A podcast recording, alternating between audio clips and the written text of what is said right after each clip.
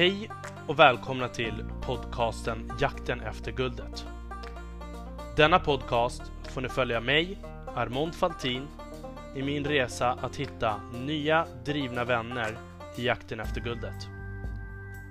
I denna jakt söker jag kunskap, nätverk och relationer. Jag kommer även dela med mig om mina egna tankar kring resan och ta upp aktuella ämnen som dyker upp på vägen. Häng med! Ingenting är omöjligt.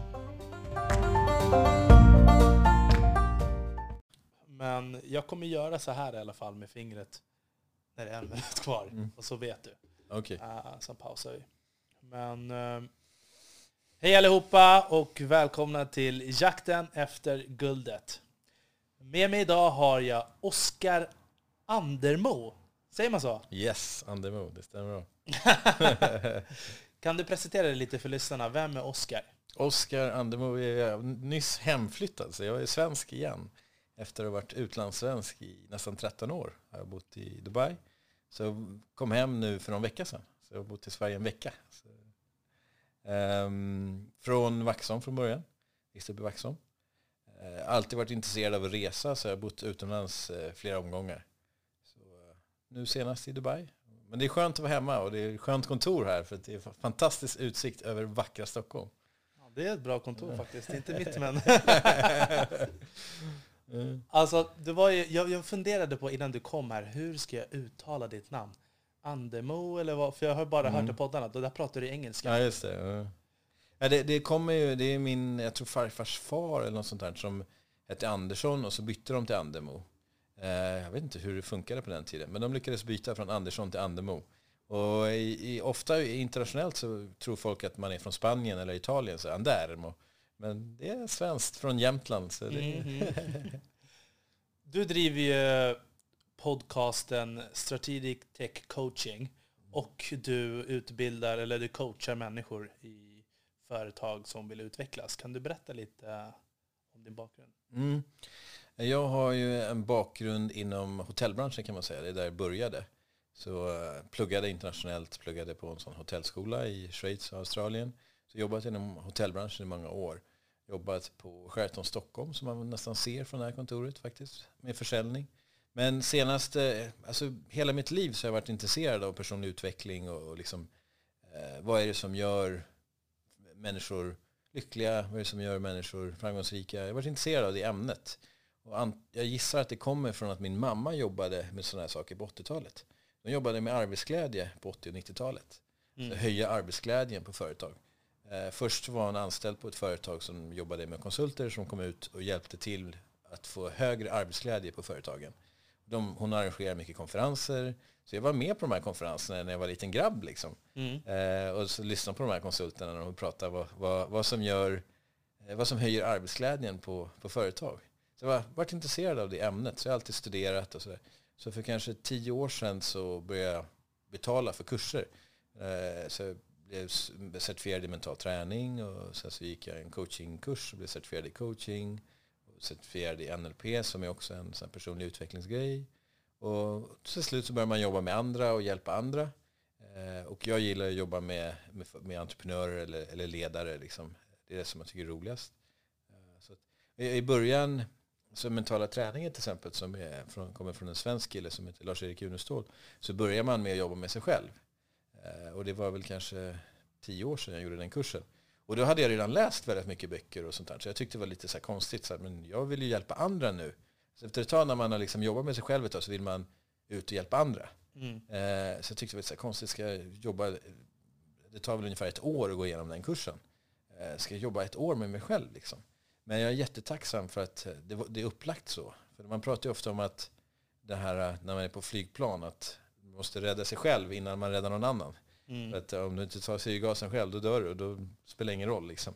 Så man måste jobba med sig själv först. Och mentala träningen så jobbar man med meditationer och sånt där som är väldigt utvecklande.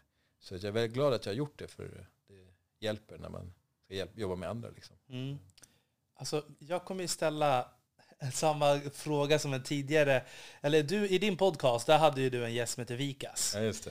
Och han säger ju, men vad fan, idag så finns det ju hur mycket 20-åringar som helst som kallar sig coacher. Ja. Och ska liksom eh, coacha och utbilda entreprenörer som är Mm. några år äldre på nacken. Ja. Vad i helskotta är coaching? Ja, liksom? precis. Ja. Ja, det, det, det är lite konstigt med coaching. När det, man kan ju bli certifierad coach på eh, kanske tio dagar eller något sånt där. Men coaching är ju ett verktyg och det är egentligen, eh, grunden är egentligen att ställa riktigt bra frågor eh, och vara duktig på att lyssna. Eh, man brukar ju särskilja på eh, lärare, konsult, eh, mentor, eh, terapeut eller coach. Det är olika saker. Men ibland så blandas det här ihop liksom. Så att just som du säger, så ska som du som är 20, ska du komma och lära mig om livet? Men det är inte det en coach gör. Alltså en duktig coach kan fortfarande jobba med dig om han är duktig på de här coachgrunderna med att ställa rätt frågor och vägleda dig. För att i coaching så är svaret i han som du coachar. Så jag säger inte till dig, alltså jag tycker du borde göra så här. Det är mer en mentor. Så om du vill ha en mentor så är det någon som är i samma bransch, som kanske har erfarenhet, som är äldre än dig, som säger det här är mina rekommendationer, det här skulle jag ha gjort om jag var i dina skor. Medan en coach kanske mer skulle sitta på nuläget, okej, vart är du någonstans nu? Okej, målbilden, vart ska du någonstans? Vad, vad, vad är dina drömmar? Och bryta ner det till mätbart, handlingsplan. Och sen också, får man ju ursäkta om det kommer så engelska termer ibland, så jag har ju jobbat mycket på engelska. Så Kör. accountability brukar man säga på engelska. Så jag har alltid svårt med det där accountability, jag vet inte vad det skulle vara på svenska. Alltså någon som håller dig, alltså det är som. Ansvarig, ja. Precis. Alltså det är som när du har en personlig tränare. Att när du går till personliga tränaren så, så blir det saker gjort. Och det är lite samma med coaching. Alltså när du vet, som jag jobbar med entreprenörer och så träffas vi två gånger i månaden. Och sen så är det en handlingsplan där vi har brutit ner så här. Ja, näst, in till nästa gång så ska du ha ringt till 20 potentiella kunder och frågat om, alltså, då blir det gjort. Det, för att du vet att jag ska träffas nästa gång. Så jag håller dig ansvarig för det liksom. Mm. Så att, eh, det är lite annorlunda eh, och det är jättekraftfullt. Så att har man aldrig jobbat med en coach så kan jag verkligen rekommendera det. Rekommendera att man gör det faktiskt. Jag glömde bort en grej Ja, i början när vi började här och det var ju faktiskt att ställa mina snabba frågor Ja. för att lätta stämningen. Uh, ibland, den är ju egentligen till för att lätta stämningen, men vår Mm. stämning är ju en, redan lätt. mm. Uh, men det, jag, nu ställer jag frågorna för gästernas skull. Okej. Liksom, de, måste ju få ha in där. Mm. Vad är den vanligaste missbedömningen man gör om dig? Eller folk tror om dig? Oj. Missbedömningen. Eh, jag vet faktiskt inte. Det var en jättesvår fråga. Missbedömningen. Eh, i, ibland så... En del missbedömer... Så när jag säger att jag har en bakgrund inom hotellbranschen så, så ser folk framför sig att man jobbar liksom, eh, står i någon reception, att jag stått i någon reception någonstans eller jobbat i något kök eller något sånt där. Men jag har egentligen jobbat med försäljning sedan 2003. Så att det jag tror missbedömningen är ibland att eh, när jag säger hotell och eventbranschen så är det så här, men du, eh, du har ju stått i, på ett hotell någonstans och jobbat. Men det är inte riktigt det som jag har gjort. Så att det är väl kanske en sån grej att jag har gjort massa andra grejer. Men det blir ofta att man placerar sig i det facket. Så här, hotell, hotell och restaurangfacket liksom. Jag vet inte. Mm. Det kanske. Hur ser en drömsemester ut för dig? Ja, jag gillar ju eh, äventyr och aktivt. Och, eh, så att antingen om jag åker själv så med grabbarna då skulle det nog vara en skidsemester någonstans. Alltså kanske i Alperna eller åka, åka skidor på något exotiskt ställe. Men eh, sen eh, reser jag ofta med min fru. Och då, men eh, jag tycker det är kul med lite äventyr. Alltså inte bara sitta på ett eh, charterställe och ligga vid poolen. Utan det har jag gjort i Dubai i 12 år. Så att där har vi tillräckligt med sol liksom, så det behövs inte. Så att eh, någonting aktivt. Alltså, typ förra året så var jag och min fru i Jordanien och åkte runt till olika ställen. Det var jättekul. Alltså, historiska platser men även natur, eh, människor, träffa andra kulturer. Men eh, naturen är viktig för mig. Alltså, Mm. det, vi var ute i eh, Jordanien så har de en öken där som, jag kommer inte ihåg vad det heter, men det är fantastiskt vackert. Och vi gick upp på en klippa och så kollade stjärnorna på natten eh, mitt ute i ingenstans. Det var helt fantastiskt. Liksom. Det är sådana upplevelser som sitter kvar hos mig. Så naturen är viktig. Så Mm. natur, äventyr och eh, människor från olika länder. Det tycker jag är spännande.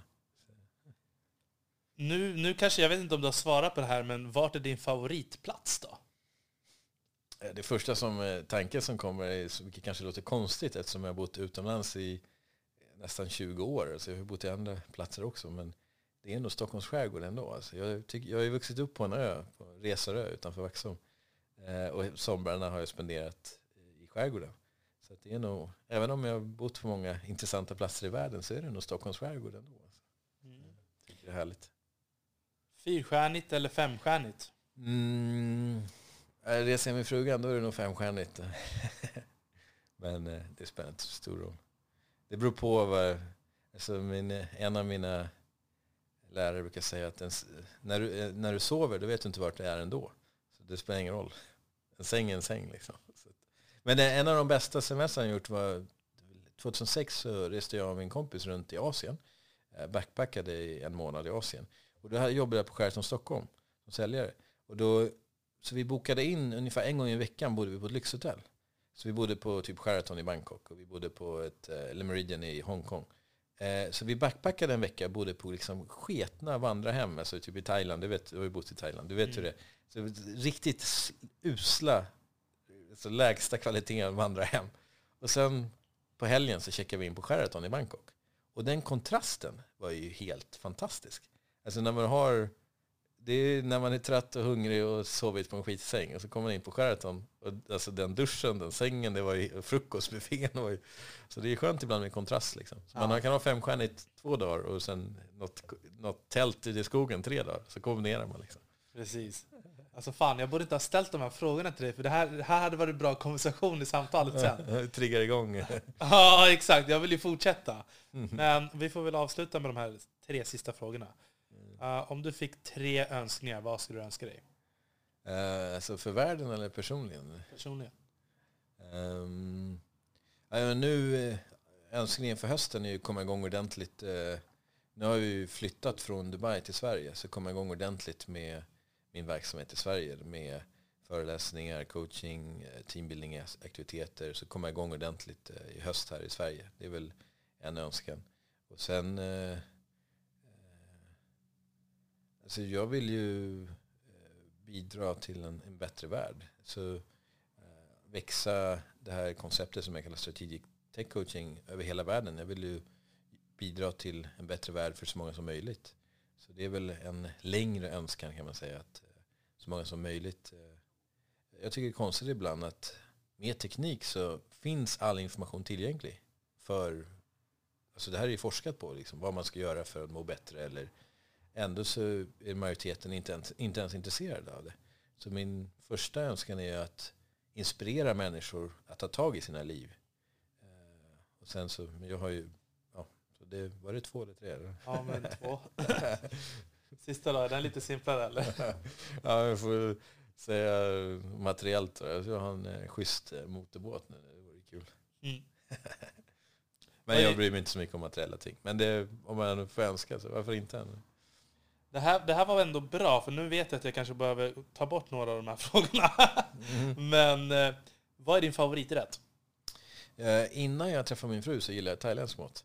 Men min fru har ju japanska rötter.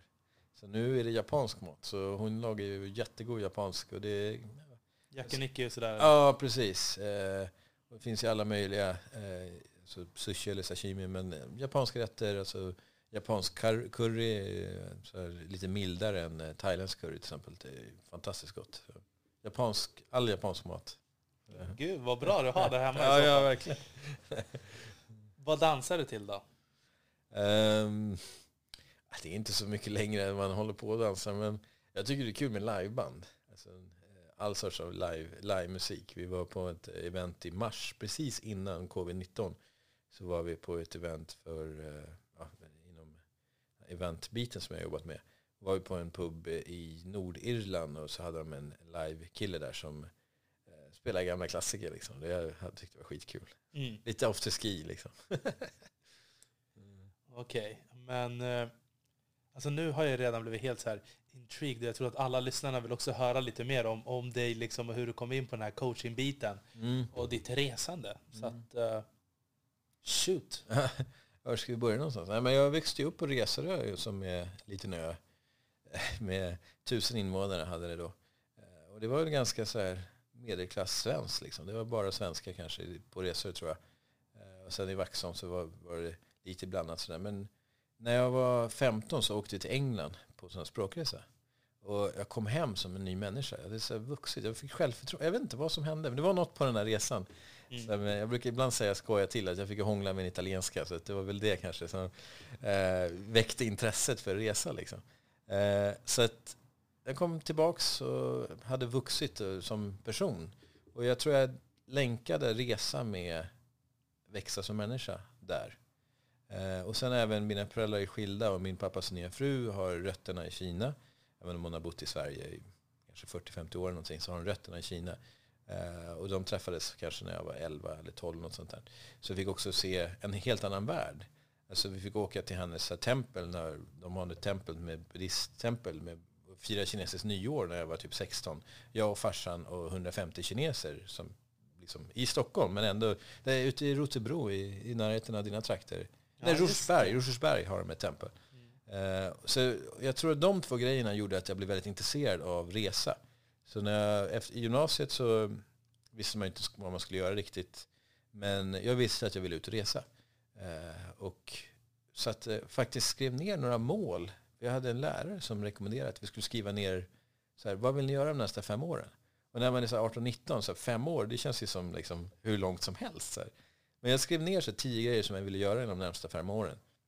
Mycket var resegrejer. Eh, och sen hittade jag en kompis en artikel, eller en annons i tror jag, DN om en bartenderkurs i Grekland, på Kos. Så jag tänkte, det där måste vi åka på. Det känns ju roligt. Så två dagar efter gymnasiet så åkte jag och min kompis till Grekland och gick en bartenderkurs på Kos. Eh, en månad var vi där, eller kanske fem veckor. Och tanken var att man skulle vara kvar hela sommaren. Alltså efter kursen så kunde man jobba som bartender. Men vi var faktiskt rätt trötta efter. För att det var ganska hårt eh, liv. Ja, eh, det var kul men det var hårt.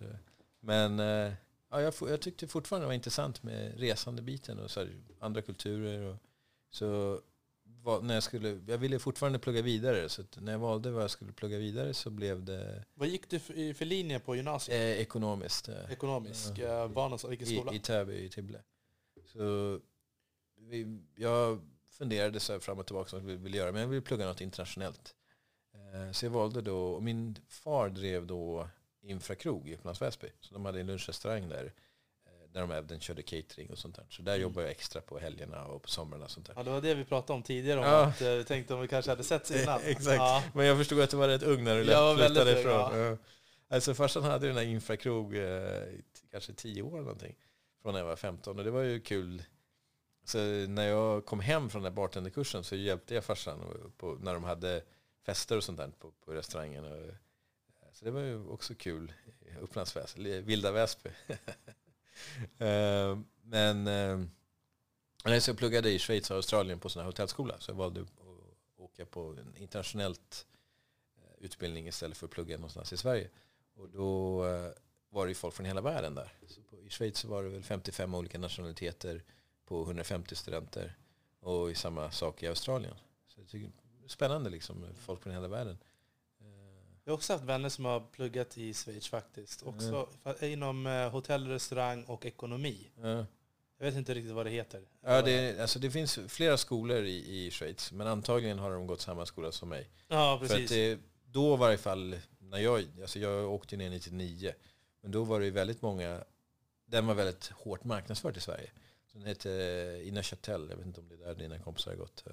Nej, jag vet inte. De här, de är från Thailand. Ah, okay. Uh. Ja, det finns ju hotellskolor i varenda liten stad i Schweiz. Det finns jättemånga. De är kända för det. Liksom. Mm. Men den här, det var många svenskar som gick på den här. Uh, och, och, det är som du säger, det är ju inte, man, det, är, det är också en sån missuppfattning. I Sverige så tänker man hotell och restaurang, så tänker man i gymnasiet, den här hotell och restaurangutbildningen. Men det här är ju en civilekonomutbildning med inriktning på hotell och turism. Precis, precis. Det, precis. Det, är inte att man Han har master i ekonomi fast det är hotell och restaurang. Precis, det här är en Bachelor of Arts i, det är samma sak, det är en civilekonomutbildning. Mm. Fast med inriktning på hotell och turism. Nej men så jag tyckte det var spännande där och träffa folk från hela världen. Och sen efter så åkte jag till Bali och jobbade sex månader på ett hotell. På Bali i sex månader. Och sen kom jag hem till Sverige och jobbade några år i Sverige på hotell här. Jobbade på Choice Hotels bland annat och eh, Sheraton Stockholm. Mm. Och sen 2007 så var jag som säljare på Sheraton Stockholm. Och då var säljarna som nådde budget i Europa blev bjudna på en resa till Dubai. Så 2007 i typ mars så åkte vi till Dubai, kanske 50 säljare från hela Europa eh, och tyckte det var spännande där. Och då hade jag folk från hotellskolan som bodde där redan. Det här är en rätt intressant plats. Liksom. Lite samma som hotellskolan, det är folk från hela världen. Det är väldigt uppblandat. Eh, så att, då tänkte jag att jag ska nog flytta hit ändå. Så började jag söka jobb och sen så 2007 i oktober flyttade jag ner till Dubai. Så. Vad är det man säljer när du berättar? Hur ser försäljningen ut när du mm. säljer på ett hotell? Mm. Ja, det, det är ju en rätt intressant fråga. Eh, det är många som undrar det där. Vadå säljer? Hur kan man vara säljare på, på, Dubai, eller på ett hotell? Eh, och det är lite olika segment. Alltså du har företagssegmentet och då är det att man knyter upp ramavtal. Alltså i Stockholm kanske har Ericsson, de har jättemånga rumsnätter. Och då har, gör de avtal med hotellen. Så säljarens jobb är att hitta eh, den som är ansvarig för resefrågorna, knyta upp med avtal. Eh, så det är företagssäljare. Eh, när jag var på Sheraton Stockholm så jobbade jag mot resebranschen. Så då är det samma sak där, att man gör avtal mot resebyråer och reseföretag och knyter upp dem. Liksom. Och så, det är mycket relationsbaserat, att man bygger relationer sen så jag på Sheraton Stockholm så jag körde mycket Norrlandsresorna. Man åker runt till resebyråerna där och, och, pratar om Stockholm och säljer Stockholmspaket. Vi gjorde Mamma Mia-paket till exempel. Och så där. Man paketerar ihop och, och säljer in. Liksom. Mm. Uh, så att det, och sen brukar man ha konferenssäljare som jobbar mot eventmarknaden och då är det mot eventföretagen, mot bokningsbolag. Och, så. Var inte det ganska roligt ändå? Jo, alltså det var ju superkul faktiskt. Alltså, när jag fick mitt jobb på Sheraton Stockholm så var vi på en sån resa till London eh, typ några, några månader in och alla, då, då åker Stockholm som stad, alltså Stockholms stad, eh, Stockholm Visitors Board arrangerar resan. Så de bjuder in alla stora hotellen i Stockholm och sen så bjuder man in kunder i London och så har man typ möten och sånt där. Och jag var ju, hur gammal var jag? 27, 28 eller något sånt där. Jag kom till London och, och jag tyckte det var så coolt. Alltså. Sheraton Stockholm betalar för det här. Så, vad fan, jag är ju i London liksom, bor på Sheraton. Uh, det var jättekul, ja, det trivdes väldigt bra faktiskt. Men, uh, ja, det var Dubai som lockade där 2007.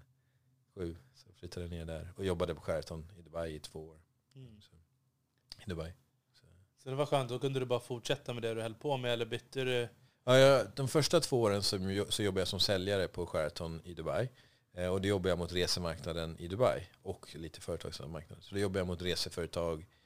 Eh, och då ofta så har du, eh, det, det kallas DMC, alltså Destination Management Companies, som är experter på destinationen. Så du har ett företag i Dubai som är expert på Dubai. Och de kontrakterar fritidsresor, solresor eller så, så mitt jobb var att kontraktera dem. Eh, och sen och även jobba lite mot svenska marknaden. Och sånt där. Så men 2009 så lämnade jag det och satte upp något som heter Hemsbrisco. Som är ett bokningsbolag som finns över hela världen.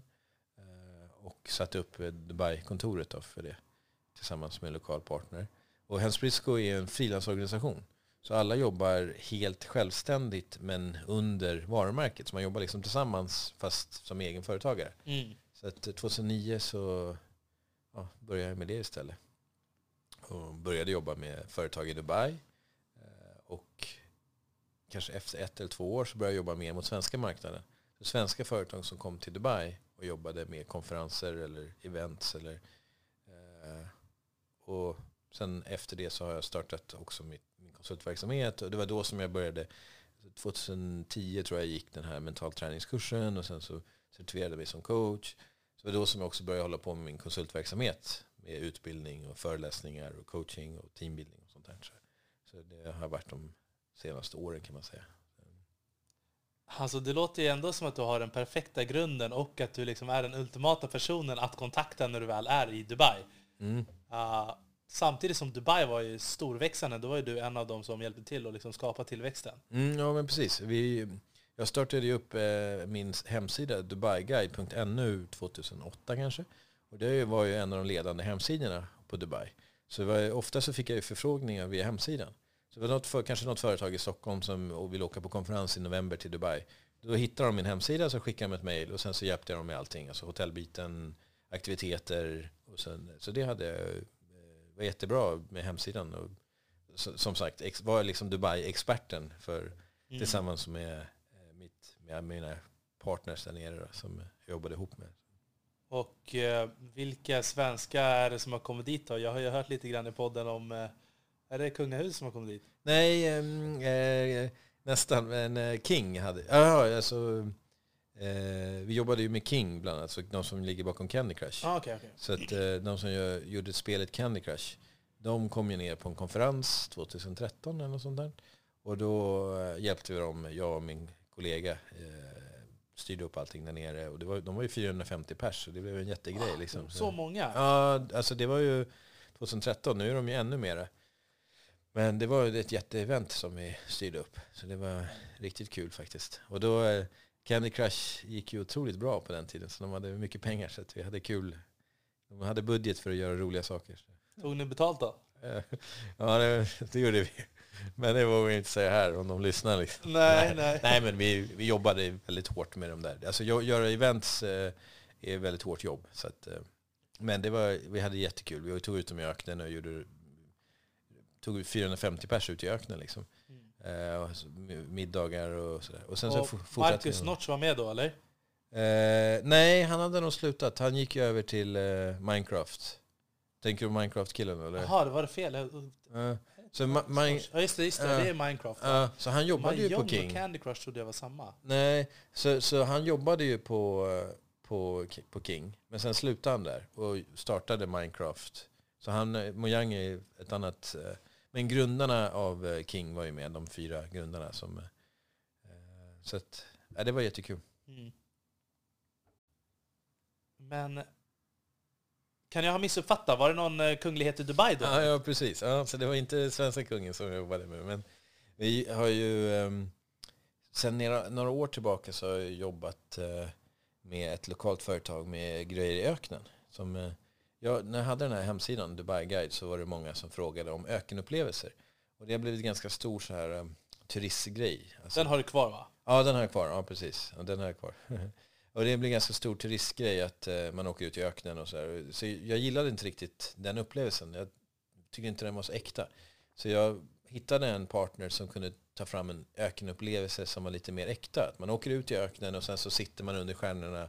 Det är liksom inget uppsatt läger. Utan det är en jättefin naturupplevelse. Och de här killarna är skitduktiga på öknen. Alltså de har jobbat med öknen i 25 år. Så upplevelser, gjort alla möjliga grejer. De gör så flera dagar ute i öknen om man vill bo i tält. Och utanför Abu Dhabi finns en fantastisk öken. Och de är verkligen experter på det här. Och de jobbar ju mycket med teambuilding-aktiviteter. Så jag började jobba tillsammans med dem och faciliterade teambuilding-grejerna. Så de, när de hade en teambuilding så ringde de in mig så att jag tog hand om gruppen och sånt där. Eh, och för två, tre år sedan, eh, 2018, så ringde han. Eh, ja, du måste komma med på ett möte. Han är från Indien. Då, så du måste komma med på ett möte. Det här är en så här viktig kund. Så här. Och det var, visade sig då att det var Executive Council som är då regeringen kan man säga i Dubai. Eh, och vi hade möte med, den här, med kunden och hon berättade vad hon ville göra. De ville göra någonting för hela teamet, 150 pers ute i öknen. De ville att vi skulle bygga upp allting. Alltså bygga upp ett tält och allting. Och sen så sa han i mötet så här, det är väldigt stor chans att någon som är VIP kommer. Och vi bara, väldigt stor chans, vad menar du med det? Så här, min Sheikh Hamdan, alltså, som är liksom Royal Family, och han är ju jätte där. Och hon får ju inte säga det för säkerhetsläget. Mm. Alltså de kan inte säga att han ska vara där om två veckor exakt. Så hon sa att I cannot tell you, but det är stor, väldigt stor chans att någon som är VIP kommer komma på det här eventet. Jag bara, jaha okej. Okay. Eh, så vi körde ju på och jobbade jättehårt för att sätta upp allting i öknen. De ville ha, alltså det blev ett jätteprojekt. De ville ha ett jättelyxigt tält som vi var tvungna att hitta en underleverantör. De ville ha hästar där ute, de ville ha kameler, de ville ha en to toalett. Vi skulle göra teambuilding-aktiviteter som vi satte upp. Eh, så det blev ju ett jätteprojekt eh, och vi jobbade väldigt, väldigt mycket med det här projektet. Och sen så på själva dagen så eh, jag faciliterade så jag hade mikrofon och sprang runt och så här, koordinerade folk och, och, gjorde roliga, vi gjorde roliga grejer med dem. Det var 150 personer, vi delade upp dem i grupper och olika aktiviteter. Och så var det en eh, emirat då, som eh, också hade mikrofon. Så jag hade mikrofon och han hade, han hade mikrofon. Så han var också så här, eh, typ MC liksom. Eh, och sen helt plötsligt så bara, Oskar, Oskar, eh, var tyst, eh, vänta lite, avbryt alla, alla lekar liksom. Eller de teambuilding-grejerna, vänta. Så typ tio minuter så gick jag runt och bara väntade på att få klartecken. Och så helt plötsligt så kommer då prinsen, då, Sheikh Hamdan, som är, han har väl kanske 10 miljoner följare på sitt Instagramkonto. Han är, alltså, det är ju typ kronprinsessan Victoria. Så det är kronprinsess, kronprinsen i Dubai. Mm. Och han är ju jättekändis, alltså väldigt populär och alla, alla älskar honom. Och, så han eh, kom dit och gick runt och hälsade på folk och, och pratade lite på arabiska. Så han var väl där i kanske tio minuter. Eh, och sen så, så drog han. Men det blev ju jättegrej. Alltså, alla var jätteglada, alla som jobbar under honom, att han kom. Eh, och sen så var det ju jättestor grej. Alltså, vi var ju med i kanske 15 tidningar. Alltså, på alla möjliga språk. Ja. Eh, att eh, ja, Sheikh Hamdan har teambuilding för sitt team. Men han var bara där i tio minuter. Men, eh, alltså det var kul. Och sen på eftermiddagen så kom ju också Sheikh Mohammed som är hans pappa då. Eh, han kom, han, det var någon cykeltävling någonting i närheten så han var, var där på den. Så han kom bara med sin bil. Så jag stod utanför, de hade precis käkat lunch, så jag stod utanför och typ drack kaffe. Det här tältet som vi hade byggt upp. Och jag vet inte om du vet, men i Dubai så har ju Sheikh Mohammed, han har ju nummer ett som nummerplåt. Så att alla vet liksom, han har en sån här... eh, Och då måste alla flytta sig åt sidan och lägga sig på marken så Precis, exakt. Ja, han kör ju den där själv liksom. Så, han, så, så, så, så det var ju lite öken så här för att komma till tältet. Så jag står där och kollar, så kommer det en, en sån här vit, jag säger jeep, men det får man ju inte säga, det är sån här vit, vad heter det, Mercedes, eh, sån här, jag kan ingenting om bilar, sån här G-vägen och så Ja. G63 eller sån, Ja, fet. ja precis, en fet bil, en fet, fet sån Mercedes. Militärjeep Ja, så jag ser den komma och säger shit vad coolt, så här, vem är det där? Vem är det som kommer nu liksom? Så ser jag nummerplåten och bara ett, yes! Så kom Sheikh Mohammed också och kollade, men han var ju där i typ fem minuter liksom. Han gick bara runt och alla tog kort och sånt. Mm. Eh, Och sen drog han. Så. Men eh, ja, det var en väldigt kul, eh, kul minne från den där tiden. Och hur använder du dig av det här? Du måste ju liksom använda det här i allt du gör. Ja, nu, eh, da, da, precis. Jag, han, Sheikh Hamdan har ju som sagt kanske 10 miljoner följare på sitt Instagramkonto. Så jag var ju med på en av bilderna på hans Instagram. Men det var ju på hans stories. Jag var ju känd i 24 timmar. Du ska ju bara sk- print Ja, men jag gjorde det. Jag gjorde det. Ja. jag har den bilden. Så det, det är sånt. Så nu, jag träffade, när jag flyttade hem nu så träffade jag kunden för någon vecka sedan. Vi käkade lunch, det sista grejen jag gjorde innan jag åkte. Och då hade hon en, en gåva till mig som hon hade slagit in. Som jag öppnade i Sverige. Och det var ju en bild på mig och prinsen som jag nu har i lägenheten här i Stockholm. Mm. Så att, eh, nej men det, det var en kul, kul grej och vi fick ju massa förfrågningar från andra eh, alltså government departments, alltså andra regerings eh, eh, depa- departement eller vad det fan heter på svenska. Alltså, Mm. var, för de såg ju vad vi hade gjort så vi fick ju mer business på grund av det. Liksom. Mm. Så att, ja, det är ett kul minne och eh, jag, när jag föreläser nu så brukar jag ta upp en bild. Så det är, det är ju sån kredibilitetsbild att man har jo- jobbat med prinsen. Liksom. Mm. Så när, jag, när jag föreläser så brukar jag ofta prata om eh, att eh, hitta sitt ikigai, alltså sitt syfte, vad man vill göra i livet. Så jag har en bild när jag står ute i öknen i teambuilding-uniform och med prinsen bredvid och jag ler från liksom upp till öronen och jag ser så jävla nöjd ut. Och- Och den dagen så levde jag mitt syfte. Alltså jag gjorde det som jag tycker är kul, tjäna pengar och bidrag till bra stämning i företaget. Liksom. Mm. Och kan du berätta då, vad betyder ikigai?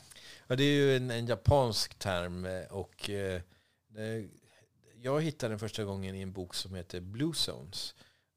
Eh, en jätteintressant bok som jag kan rekommendera. De, han, eh, de åker till de fyra delarna i världen där man lever längst.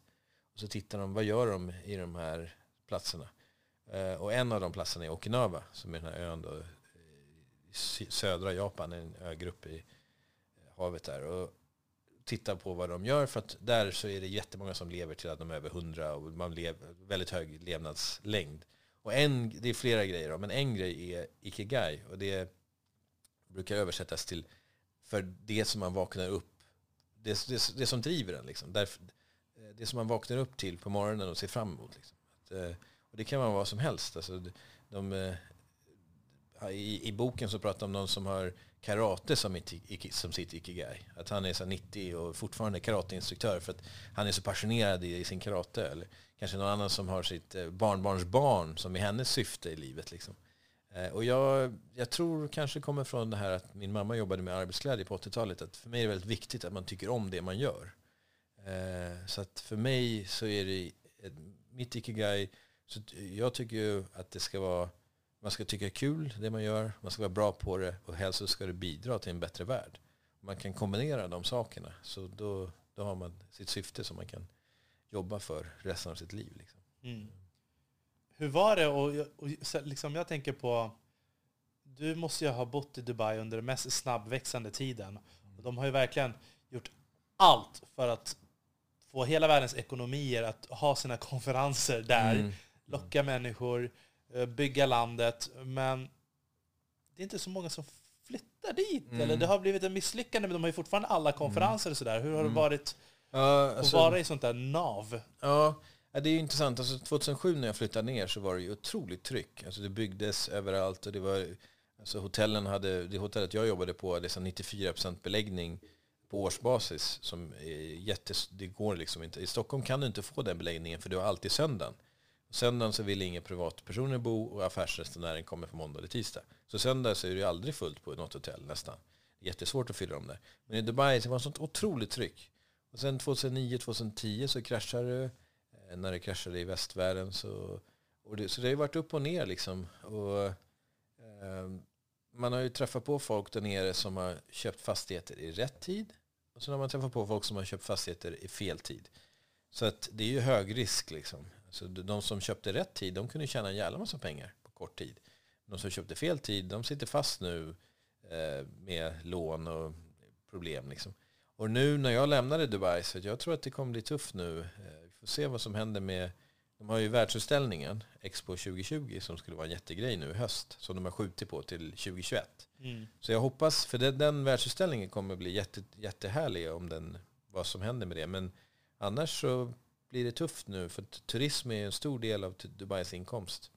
Och många tror ju att Dubai lever på sin olja, men de har inte mycket olja alls. Mm. Det är grannländerna, som, det är Abu Dhabi som är huvudstaden i landet, de har mycket olja. Saudiarabien har mycket olja, men i Dubai så är det väldigt lite olja. De, man pratar om 3% av BNP i Dubai.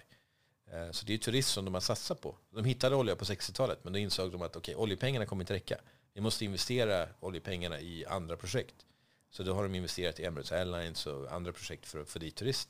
Så att vi får se, det blir spännande. Mm -hmm. jag har ju också väldigt länge haft ögat på Dubai. Jag, jag, personligen så har jag tyckt att de har investerat helt fel hela tiden. Mm. Uh, vad det gäller att bygga hela deras hela landet byggde byggdes ju på ett ohållbart sätt. Mm. Och sen nu de senaste åren har de ju valt att försöka bli lite mer hållbara. Uh, men så där är det väl nog i alla de där Gulfländerna. Ja, ja men precis. Alltså, vi, vi pratade ju om det där. Vi, vi hade ju ett snack när jag bodde i Dubai. Eh, mm. och, eh, alltså jag är ju mestadels positiv till de, de, hur man byggt det. Alltså, om du jämför med regionen. Alltså, om du, du, du kollar vilka grannländerna är. Liksom. Så har du Qatar, du har Saudi, det Kuwait, I mean, Irak, Iran. Det det de, de har ju inte lyckats göra så mycket bra med oljepengarna. Men i Dubai så lokalbefolkningen har det bra och de som kommer dit och jobbar som expats generellt så har de bra. Men sen är det klart, det är tuffa arbetsförhållanden, det är det. Men det är fortfarande betydligt bättre än eh, i andra, andra länder i regionen. Men jag tycker inte man kan jämföra med Sverige som har, som kanske är ledande i världen på sådana här frågor. Alltså hållbarhet och själv, alltså jämställdhet och arbetsrätt för sådana. Sverige är ju kanske topp i världen på sådana här saker. Men Dubai är ju topp i regionen. Alltså, mm. alltså jämför om du åker till Östafrika eller alltså kolla på kartan var Dubai ligger.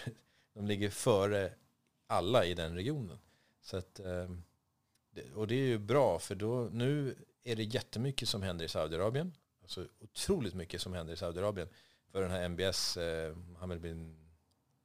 Heter han? Ja, Mohammed bin Salaman eller någonting. Ja, precis. MBS, MBS ja. Han vill bygga nanostaden va? Ja, men precis. Han, han har satsat jättemycket nu. Och det är ju för att de flesta i Saudi har åkt till Dubai på, på semester. Så de har ju sett, alltså, varför får kvinnorna köra bil i Dubai men inte i Saudiarabien? Nu får ju kvinnorna köra bil i Saudiarabien. Det är ju för att Dubai har gått i framkant och gjort förändringar. Så nu ändras det ju hela regionen. Mm. Och sen är även internet, alltså Saudiarabien har ju väldigt högt eh, YouTube-användande till exempel. Så, eller Netflix, alltså, man kollar på samma tv-serier som vi kollar på här. Mm. Så att eh, det förändrar ju eh, bilden. Det gör ju att det blir förändringar liksom. Mm. Det blir spännande att se. Som sagt, Saudiarabien investerar ju en jävla massa pengar på uh, nya städer och uh, turist. De vill ju komma bort från oljeberoendet. Liksom. Mm. Mm. Så att, får se. Ja, det ska bli spännande. Mm. Men... Jag kan vara lite mer kritisk nu när man är i Sverige. Ja, när, jag, när jag var i Dubai så var jag, sa jag så här, jag är lite rädd för att prata dåligt Jag märkte det och du var ju tvungen att ha eh, VPN på telefonen bara för att använda WhatsApp. Ja, ja precis. Ja, WhatsApp var ju blockat. Nu vet jag inte om de har öppnat upp, men det har ju varit blockat. Alltså det är ju kontrollerat. Det är ju en, de, det är lite, de tittar ju mycket på Singapore. Och Singapore är ju också väldigt strikt. Alltså, Singapore får inte spotta på gatorna. Har du varit i Singapore? Mm. Nej, faktiskt inte. Singapore är också extremt strikta regler. Alltså, du får ju fängelsestraff om du gör vissa saker. Liksom. Mm. Som här skulle vara kanske ringa böter. Eh, och många i Dubai har pluggat i Singapore. Alltså Alabar som är en stor chef där. Han, har, eh, han, har väl, han är väl styrelseordförande för Emar som är ett stort byggföretag där nere som har hotell och eh, köpcentrum. Han, eh, vad jag har förstått, eh, studerade i Singapore. Så de plockar hem mycket från Singapore och lär sig från Singapore. Singapore är ju en framgångssaga i att det var ju ingenting för på 60-talet. Alltså de har ju byggt upp, det, alltså det finns ju ingenting där. Mm. Eh, och sen har de byggt upp en, som en hubb för hela. Sydostasien. Liksom. Så att Dubai tittar på Singapore och försöker kopiera vad de gör. Så, sen finns det ju dåliga saker också. Men det tar vi när mikrofonen är avstängd. hur, hur, vad är det för människor du har träffat här? Det måste ha varit sjukt galna människor. För man träffar ju mycket människor som bodde i Dubai, när jag bodde i Thailand till exempel. Mm. Och det var också människor från hela världen. Det var allt ifrån kineser till tyskar och... Uh, jag har personligen har inte varit där. Jag har ju bara sett en bild Mm. utifrån. Och utifrån så känns det som en stor jävla bubbla som jag hade klarat av att vara i kanske ett litet tag. Sen måste jag åka hem. Vad är det för människor du har stött på? Alltså jag har, har, det som jag tycker är intressant är ju det här att det är så globalt. Alltså jag sa att ni är liknande som när jag var på hotellskolan. Så på hotellskolan så var det 55 olika nationaliteter på 150 personer. Eh, I, I Dubai så är det ju samma sak. Alltså det är, hela världen är där. Så när jag jobbade på Sheraton Jumeirah så fanns det ju ingen emirat. Det fanns ingen lokalbefolkning som var där. Så det var ju bara folk ja, från Filippinerna, Egypten, Indien, Pakistan, Sri Lanka, eh, Europa.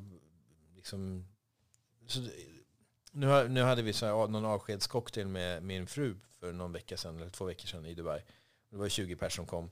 Jag skulle gissa att det var 15 olika nationaliteter på den, av de 20. Och så är det generellt, liksom, alltid. Eh, jag tycker det är jättekul. Sen är det väldigt utmanande också att jobba ihop.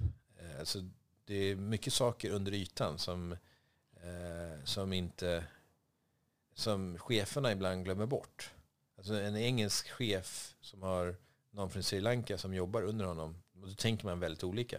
Och det glömmer cheferna ibland bort, tycker jag.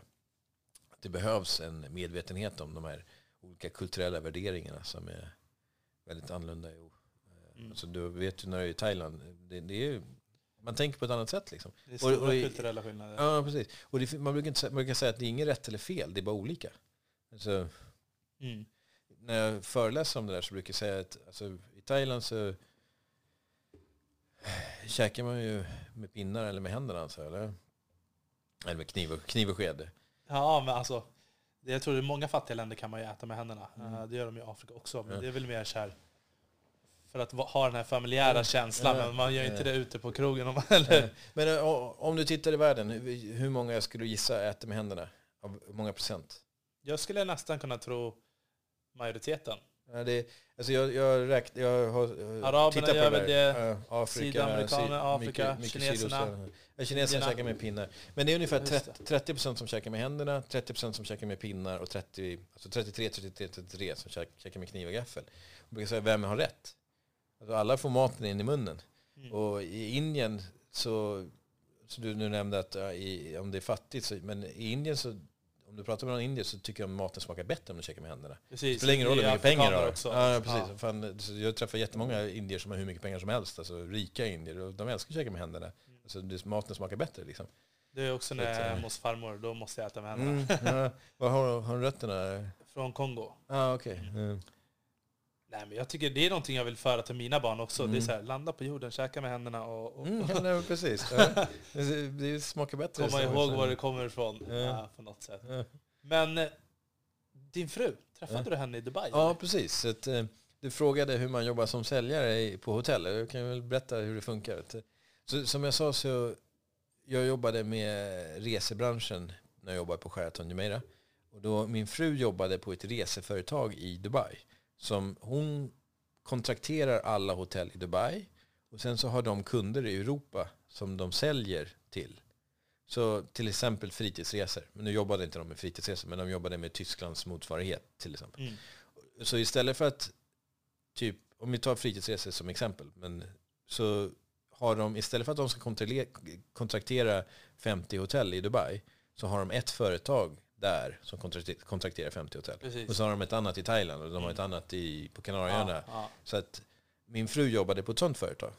Så jag var där på kundbesök. Så det min, min roll som säljare är att träffa de här, bygga relation, hitta, eh, kanske skicka specialerbjudanden vissa perioder. Så, så, så man jobbar som säljare inom hotellbranschen.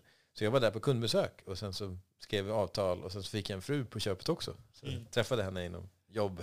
Var det henne du förhandlade med eller var hon någon... Nej, det var faktiskt... Eh, alltså hon satt som eh, kontrakt och jobbade med kontrakt, men hon kontrakterade inte mitt hotell. Det var hennes kollega. Så att, men det var fyra eller fem som jobbade med kontraktering. På, så, så det var hennes kollega som jag liksom jobbade aktivt med.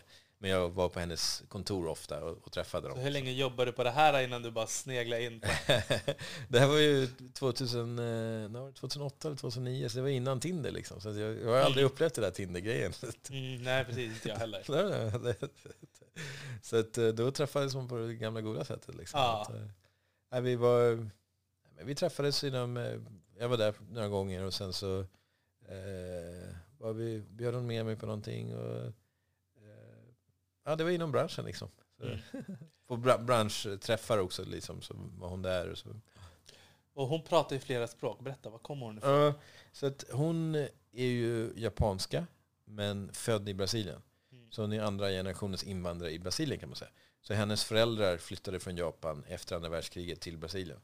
För att efter andra världskriget så var det väldigt fattigt i Japan. Det var helt sönderbombat. Och Brasilien behövde folk. Så det var många japaner som flyttade till Brasilien då. Redan innan, eh, på, i början på 1900-talet så var det många brasilianer som flyttade. Du, du vet, brasilianska jutsu, Mm. det kom ju för att en japan var i Brasilien och lärde ut brasilianska jutsu till Gracie-familjen.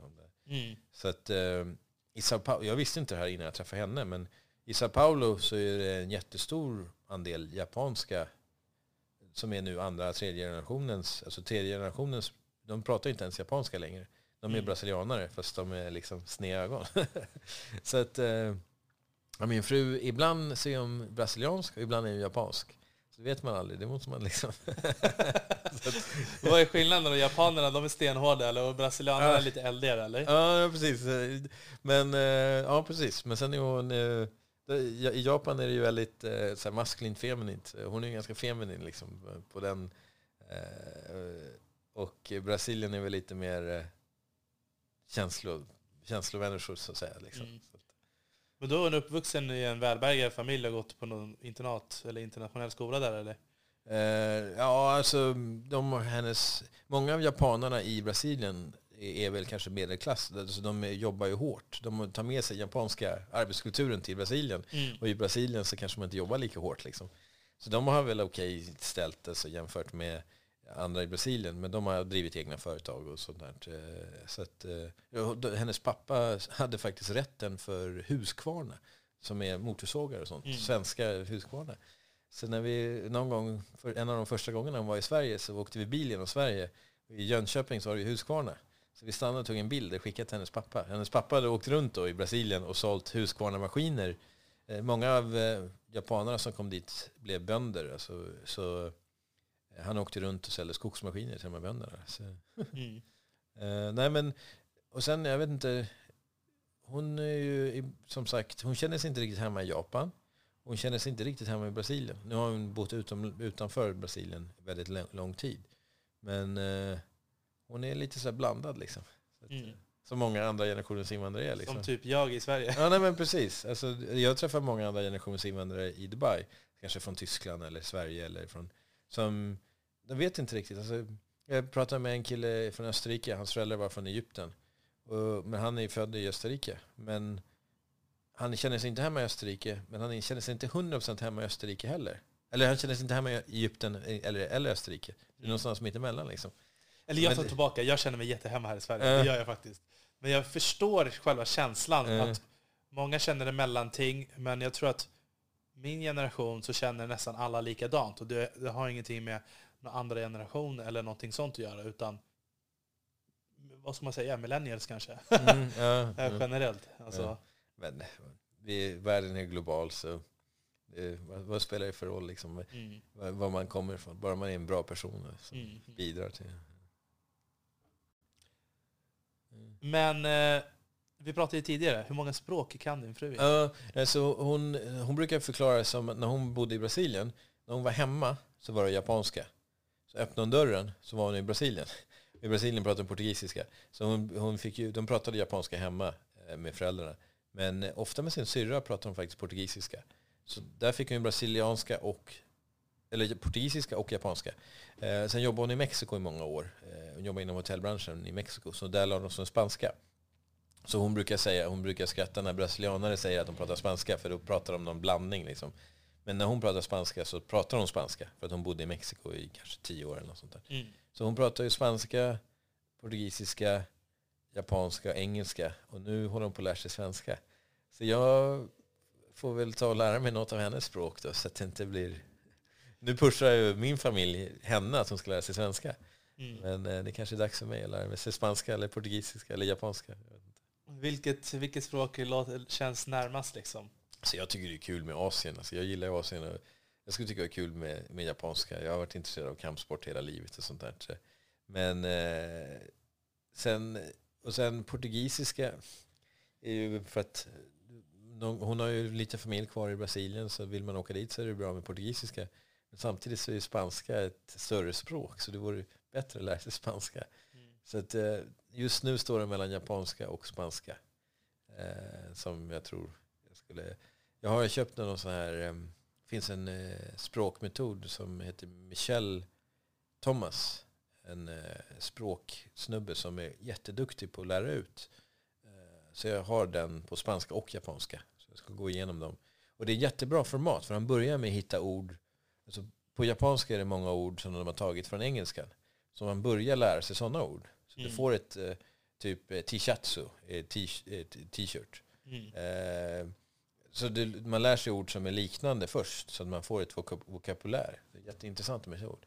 Eller koch, eh, ja nu kommer jag inte på något mer. Men Nej, jag kommer inte heller på. Men spanska och japanska är ungefär samma. Jag är också Asien-torsk. Mm. Så att, eh, jag kollar också på mycket japanska filmer och Ah, okej, och sånt här. ja. Så att det har ju varit någon gång när man har glömt subtitles och så tittar man bara bort och så har man förstått det i alla fall. Eh, Så att, eh, det, är- det är svårt det här med japanska och spanska. Jag förstår exakt vilken Mm. du är i. Men eh, sen då? Vad hände sen? Du, har träffat jättemycket människor, du Mm. träffade din fruga. Lugnade livet ner sig eller? Nej, nu är det tvärtom. Nu går vi på, växlar vi upp. Mm. Nej, men jag tycker det är kul med personlig utveckling och eh, det här strategic tech coaching som jag tittar på i flera år och utvecklat. Och just eh, gå från inspiration till implementation. Eh, så det är något som jag vill jobba med nu resten av livet. Jag tror ju inte på pension. Alltså pensionera sig, det om du pensionerar sig så innebär det att du jobbar med något du inte tycker är kul. Mm. Så va- om man jobb, jag älskar det man gör, varför skulle man någonsin pensionera sig? Så för mig är det viktigare att jag tycker det jag gör är kul. Och då kan jag hålla på med det resten, resten av livet. Eh, och eh, så det, det här strategic tech coaching som jag kallar det så pratar jag om, pratar jag om tre saker. Eh, information, eh, inspiration, information, implementation. Så de tre sakerna som du behöver. Ehm, och eh, med teknik det är så enkelt nu för tiden. Vi pratade innan mikrofonerna att om du sitter i tunnelbanan så kan du sitta och kolla på reklamen på väggarna. Eller så kan du lyssna på en podd. Jakten på guldet. Jakten, vad heter jakten efter Jakten guldet? efter guldet. efter guldet. Du kan lyssna på Jakten efter guldet istället och lära dig någonting av istället för att lyssna på musik eller inte göra någonting. Liksom. Mm. Det finns så mycket otroliga möjligheter att lära sig med teknik. Att, eh, Jag känner också verkligen det. Det är så mycket död tid. Folk säger till mig så här, men när ska jag lyssna på podd? mm, Jag lyssnar på när i duschen, mm, alltid bästa. När jag lagar mat.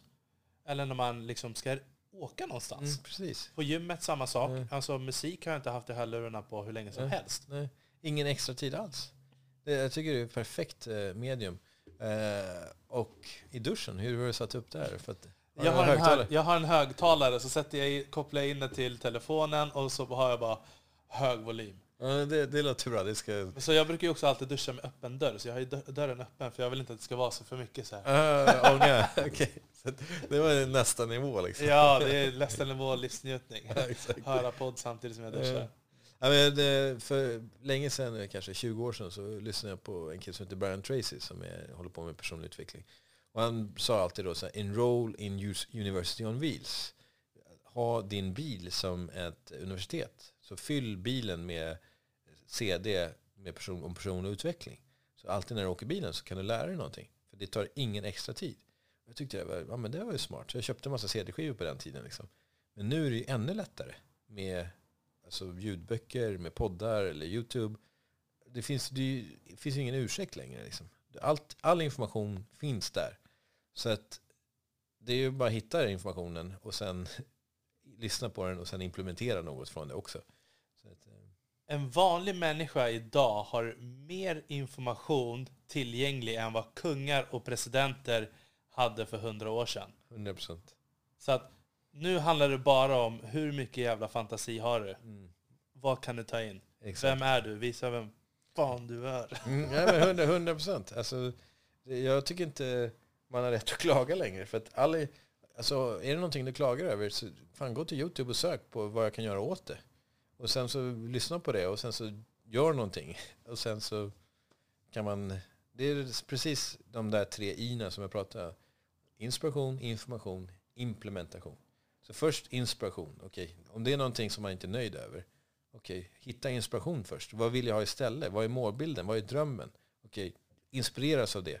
Information. Okej, finns det någon annan som har gjort något liknande som kanske jag kan lära mig ifrån? Okej, hitta den informationen. Implementation. Gör någonting. Ta en dagliga steg för att komma en vart. Liksom. Så det, det är den modellen som jag jobbar med nu. eh, i Det som jag kallar strategic tech coaching. Mm. Så tekniken blir ett sätt att göra de här grejerna i vardagen. Och där har du också satt upp ett system hur du håller dig själv ansvarig via tekniken. Precis. För att det, det som jag såg för, för, eh, för många år sedan var just det här att, och det är ganska känt inom konsultvärlden, att man går en kurs, kanske en helgkurs, eller man går en säljkurs på jobbet eh, och blir jätteinspirerad. Sen så glömmer man bort det i vardagen. Alltså, jag jobbade på Choice Hotel, så vi gick en säljkurs, det var skitbra. Så man bara blir jätteinspirerad. Och sen kommer man tillbaka på måndag morgon och sen så bara massa e-mails och massa grejer i kalendern. Så glömmer man bort att göra saker från kursen. Och då missar man ju den tredje biten som jag pratade om, implementering. Du måste implementera i vardagen för att du ska kunna se en förändring. Och då funderar jag mycket på hur kan man göra så att det blir implementering i vardagen? Och då är ju teknik ett fantastiskt sätt att göra det i vardagen. Eh, Och det kan vara allt från att, ha, att göra listan i telefonen, eh, lyssna på saker i, på tunnelbanan som vi pratade om. Eller, så jag har en hel modell runt det där som, eh, som jag jobbar med när jag jobbar med, med coachingkunder och sånt där. Mm. Och föreläser om. också. Så. Mm. Jag kan ju berätta hur det började. Det började med att när jag flyttade till Dubai 2007 så höll ju på jag och min kompis med mycket med målbilder och så här, vad vi skulle göra och sånt där. Men då, då brukade vi träffas en gång i månaden i Stockholm. Typ, vi hade en gång så här, i januari hade vi en så här, gåtävling så vi skulle se hur många steg, den som gick mest steg vann. Så vi tävlade mot varandra. Så varje dag så skickade vi in, la vi in så här, vem, hur många steg vi hade tagit. I slutet av månaden, alltså jag gick hur långt som helst. Jag gick i timmar bara för att liksom slå honom. Ja. Ja. Jag kommer inte ihåg vem som vann till men sista dagen var det så helt galet. Jag gick så hela dagen bara. Men um, sen jag flyttade till Dubai hur som helst så kunde vi inte träffas. Innan så träffades vi i början av månaden, la upp målen för, målbilden för den månaden och sen så gjorde vi någonting. Eh, Men då kom vi på att vi kan lägga in allting i ett Google-dokument. Så kan du se vad jag gör. Och det var ju nytt på den tiden, så här, man ligger i molnet och så då kunde jag lägga in min målbild för februari. Så kunde han se det i Google-dokumentet och kommentera och så kunde jag kommentera hans målbilder. Och det var då jag började tänka så här, det är mycket man kan göra med teknik för att se till att det händer i vardagen. Mm. Eh, Och det var det som var liksom grunden till det som jag kallar strategic tech coaching. Hur ser eh, målgruppen ut som du helst vill jobba med? Eller har du redan liksom du måste förmodligen redan ha nischat dig till en viss Ja, precis. Ja. Jag har funderat mycket på det där. Och som jag säger nu så gillar jag att jobba med ambitiösa entreprenörer eller ledare. Eh, Och ambitiös för mig innebär att man vill utvecklas, att man vill, man har en eh, liksom, attraktiv målbild framöver. Att eh, man tycker det är kul att lära sig och utvecklas. Så det är väl det är ganska brett, men det är väl så jag ser på det nu. Alltså ambitiösa, ambitiösa entreprenörer och ledare som vill utvecklas. Och de- vill jag jobba med. Det är det som Mm. jag tycker är kul. Alltså någonting som jag har tänkt nu också på senare. Har du typ inte en podd så är du typ inte ambitiös. har jag, alltså, det är som jag känner att man lär sig så himla mycket. Absolut. Det visar att man har viljan. Och, men om, om du vill någonting och så har du inte någon podd eller någonting annat som visar att du drar det Mm. efter saker. Hur vet du att det är rätt person? Ställer du några frågor till dem liksom för att mäta dem eller känner du bara av dem direkt när de kommer in i rummet? Ja, men det, alltså, som du säger, att, att, starta en podd är ju rätt enkelt nu för tiden. Och det är ju ett fantastiskt sätt att träffa intressanta människor. Liksom. Nu sitter vi och har en, har en intressant diskussion för att jag hittade dig på internet. Jag sökte så poddar i Sverige. Liksom. Och det finns ju så otroligt mycket. Men om man inte startar sin egen podd så, om man inte lyssnar på poddar. För mig, då är det ju också så här. Ännu värre. Ja, men då, då, vadå? Ja, jag vet inte. Får Man klagar om man inte liksom tar tag i sitt liv. Då tycker jag att då är man inte ambitiös. Mm. Men ja, det är väl enkelt att säga. Men. Men eh, vad mina lyssnare älskar att höra också, det är tuffa tider. Mm. Och eh, jag har ju hört att du har haft ett avsnitt eh, vad det gäller kriser och hur man tar Mm. sig igenom och sådär. Kan du Mm. berätta lite? Ja men precis, alltså när man gör grejer så misslyckas man ju. Det är ju bara så att eh, om man är ute och eh, skapar saker och hittar på saker så är det ju inte alltid lätt. Det är tuffa tider ibland. Men det är det som gör att man växer och lär sig. Alltså det, det enda är ju att man inte ska göra dem två gånger. Alltså samma misstag två gånger. Alltså lära sig stå upp och köra på igen. Liksom.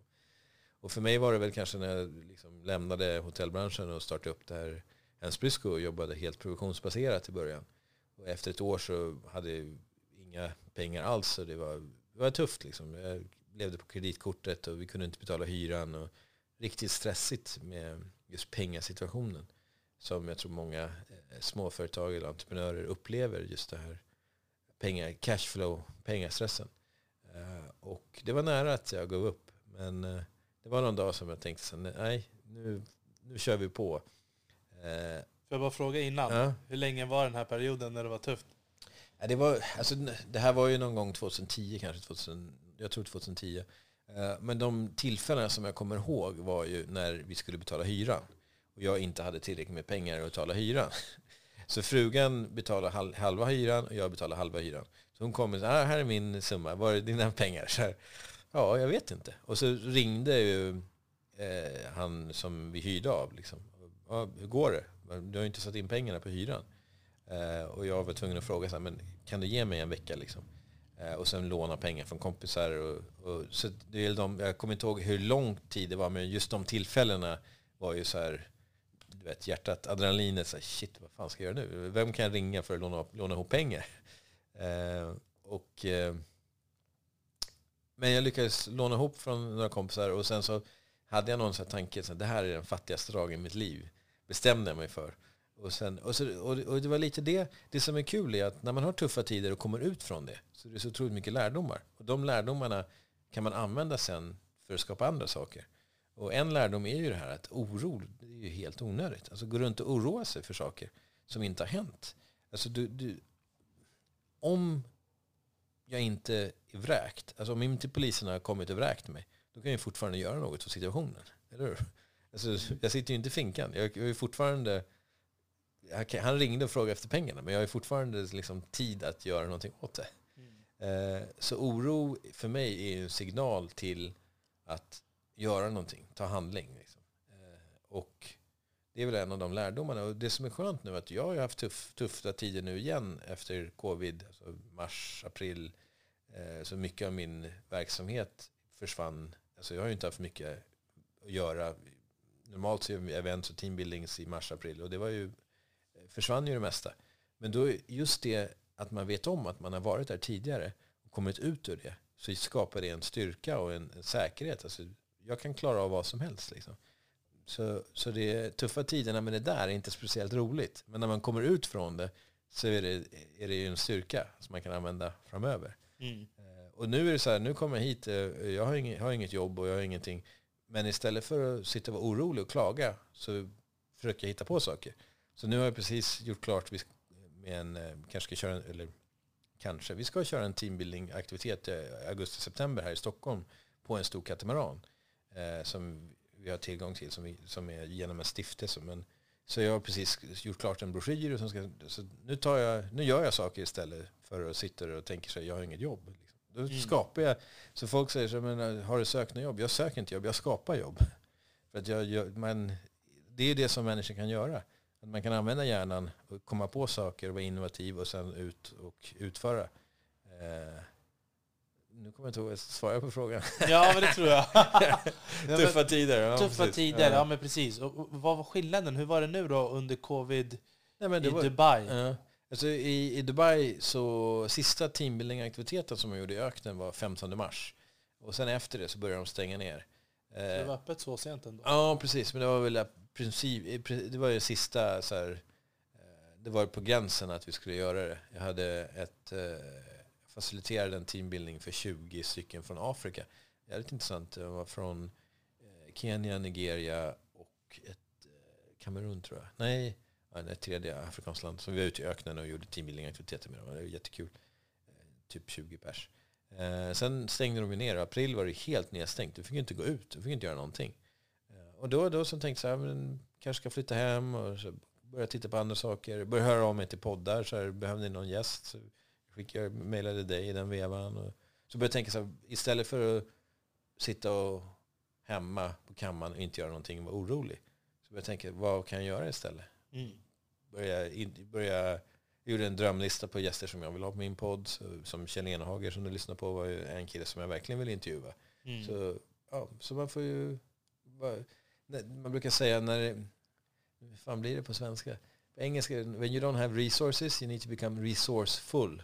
Så på svenska blir det, när du inte har resurser så blir, får du bli resursfull. Ja, det är samma. Hur är det att bara switcha över på svenska Ja, nej, också? Det tyckte jag också bara, fan. Du har ju kört podd, du har ju bott utomlands nu i 12 år, kört podd och allting på, på engelska. ja. Jag snackar med frugan på engelska. Liksom, Ja. Nej men det är... Alltså, när man har ju familjen här så jag har ju kört lite Zoom och sånt där på svenska. Så att, och sen har jag en del svenska kompisar i Dubai. Men det är lite så här, man, ibland får man tänka till. Man tappar orden ibland. Liksom. Drömmer, vet- du, drömmer du på Eh, engelska eller svenska? Ja, det är en bra fråga. Ja, det är nog faktiskt på engelska fortfarande. Vi Mm. får se hur lång tid det tar. Nu har jag varit hemma en vecka så vi får se när jag swi- swi- switchar över. Liksom. Behåll den där engelskan. Jag kommer ihåg att sådär var det när man kommer in i engelska, då måste man börja drömma på engelska. Mm. Så var det för mig i Thailand. Mm.